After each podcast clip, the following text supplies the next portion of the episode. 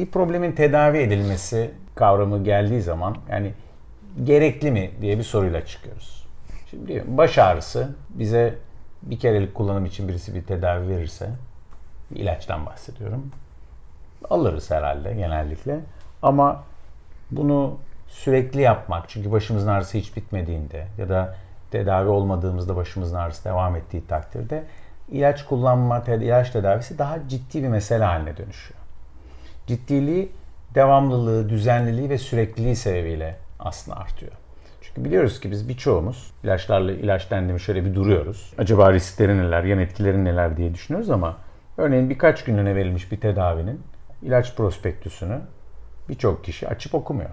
Evet. Bir antibiyotiğin, bir ağrı kesicinin, e, hatta bir işte astmada kullanılan bu nebulizatörle verilen bir takım fısfısların vesaire. Bunların bazılarında intihar riskini arttırdığı, bir takım kan hastalıklarına yol açabildiği vesaire hepsi yazıyor. Bütün ilaçlarda var bu tür riskler. Ama böyle bir şey özellikle psikolojik olarak etkisi olabilecek bir ilaç olduğunda hele biraz bir de diyoruz ki biz birkaç yıl sürebilir bu tedavi kullanıldığında bir ister istemez e, hak veriyorum yani insanlara e, oradaki şeyde ya bu şart mı olmadan olmaz mı deme eğilimi oluyor. Bir kere bu normal bir reaksiyon. Birçok kişi de diyor ki acaba çocuğum çok mu değişecek? İşte canlılığını kaybedecek mi? Neşeliliğini kaybedecek mi?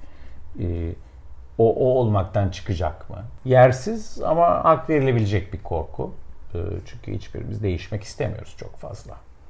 Yani ne kadar arızalarımız olursa olsun kendimizden epey memnunuz. E, o nedenle tedavi konusu öncelikle problemin varlığına çok bağlı. Problemin var olduğundan en ufak bir kuşku duyulmaması mühim. Çünkü aksi takdirde şimdi ne oluyor? İşte o doktora gidiyorsunuz bu işte var ama yok gibi diyor. Bir başkasına gidiyorsunuz bu öyle olur. İşte doktor olmayan birine gidiyorsunuz. Bu doktorlar her şeye ilaç veriyor diyorlar. Yani e, ailelerin de çok kafa karıştırıcı sinyaller alıyorlar. Ya da basında okuduk. Basında okuduğumuz ya da e, efendim bir İngilizce olursa ile okuduğunuz şey daha da şey sanki özel bir kanıtmış gibi görülüyor. E, o nedenle burada bir kafa karıştırıcı durum var. Benim gördüğüm şey şu, dikkat eksikliği hiperaktivite bozukluğu ilaçla özellikle kısa süreli dönemde yani kısa dönemde e, en başarılı tedavisi ilaçla yapılabilen bir durumdur. Tek başına ilaç verdiğiniz takdirde bir çocukta davranışı düzenleyebilirsiniz. Davranışı kontrol etmesine yardımcı olabilirsiniz. Ama davranışı kontrol etmekle elde edeceği başka kazanımların ne olduğu, bu ilaç tedavisi sırasında e, kazanım elde edeceği kazanımları, geleceğe neler taşıyabileceği gibi sorulara cevabınız olması lazım. DHB tedavisinde kullanılan ilaçlar tedavi edici olarak mı yoksa semptom azaltma amaçlı mı kullanılıyor? Şimdi gelişimsel bozukluklarda hatta başka hastalıklarda da böyle aslında yani psikiyatrik olmayan hastalıklarda da durumu kurtarmak ya da günü kurtarmak diye tanımlanan e, semptomatik tedavileri hiç azımsamamak lazım.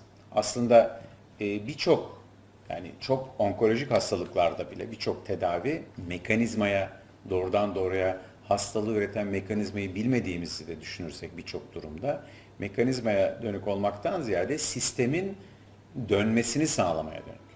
Yani bu şu demek, e, sistemin sürdürümünü, sistem ne demek? Gelişen insan beyni. Gelişen insan beyni ve onun çevreyle etkileşimiyle ideal, optimal şekli alması. Varsayımımız bu. Dikkat eksikliği, hiperaktivite bozukluğu semptomları gelişen insan beyninin çevreyle anne, baba, kardeş, arkadaş, okul, ders, eğlence, keyif, müzik, sanat, spor neyse bunlarla olan alışverişi bozarak bireyin psikososyal kimliğinin, e, varlığının e, olgunlaşmasını ve gelişmesini engelliyor. Şimdi dikkat verememe dediğimiz şeyi sadece bir sorunun cevabını unutmak ya da bir soruyu yanlış anlamak olarak görürsek bu sorun değil. Ama yaşamla ilgili çok temel etkileşimleri tanımladığımız takdirde, yani etki engellediğini gördüğümüz takdirde bireyin e, dış dünyayla alışverişiyle ilgili her konuyu DHB'nin etkilediğini ve psikososyal kimliğimizin de bu alışveriş içerisinde oluştuğunu bir psikiyatr olarak hatırımıza getirirsek DHB'nin e, sadece ders notlarının düşmesine ya da öğretmenin sinirlenmesine ya da anne babanın üzülmesine yol açan bir mesele değil. Bireyin kendi potansiyeline uygun, hak ettiği noktaya gelmesini engelleyici ve demek ki bir sürü kayıba yol açıcı ve o kayıplarla birlikte gelen bir sürü başka psikolojik problemi de doğrucu bir yanı da olduğunu da akılda tutmak lazım. O nedenle evet DB ilaçları, stimülanlar olsun, atomoksetin olsun semptomatiktir. Yani o an için geçerlidir. Her ne kadar atomoksetinle ilgili atomoksetin kesildikten sonraki bir yıl içerisindeki remisyon oranları ile ilgili bazı veriler olsa da hani öyle olmadığını varsayalım. Semptomatik tedavi olarak düşünelim. O yüzden kronik olarak uzun sürelerle kullanılması gerekiyor. Bu semptomatik rahatlamanın adeta doğal gelişime imkan verme amaçlı bir e, toparlama ve çerçeveye alma olarak görülmesi gerekiyor. Aynı kolumuz kırıldığında örneğin e, doğrudan doğruya kemik dokusunu iyileştirici bir tedavi yapmıyoruz. Ama kemik dokusunun iyileşmesine, doğal iyileşme sürecine izin verecek işte bir atel takmak veya bir eksternal fiksatör yerleştirmekle aslında doğal iyileşme süreçlerine de imkan veriyoruz. Şimdi DEB'de bir anlamda yaptığımız ve başka gelişimsel bozukluklarda da doğal gelişme sürecine olanak tanıyacak e, bir düzenleme yapmaya çalışıyoruz. İlaç tedavileri bunu iyi yapabildikleri ölçüde bizim için faydalı, e, yapamadıkları zaman da yetersiz kalabiliyorlar. DSM alt tiplerine göre çeşitli ilaçların kullanımında iyileşme oranlarında bir fark görülüyor mu? Hem atomoksetin açısından hem stimülanlar açısından alt tipe göre bir e, iyileşme farkı yok.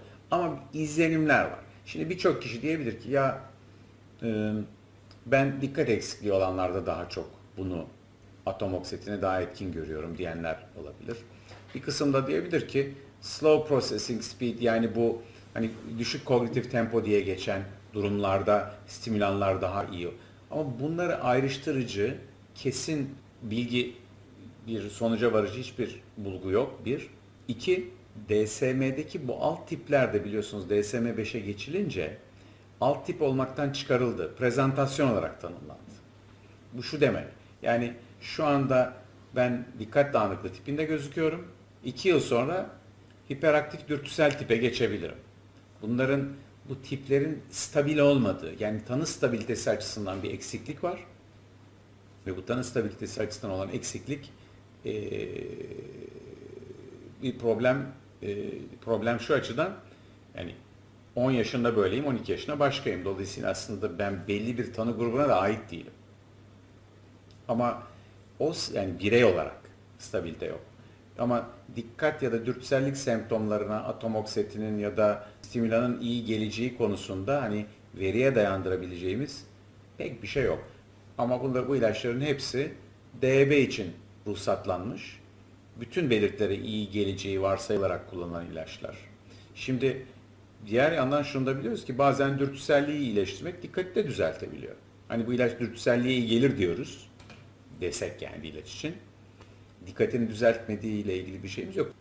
O nedenle belli bir alt gruba iyi geleceğine dair e, bir hani kanıta dayalı bilgi yok. Ama bu son kanıta dayalı bilgi konusundaki tartışmaları da izlemişsinizdir. Hani bu diş ipinin faydası olmadığına dair bir kanıta dayalı çalışma yayınlandı.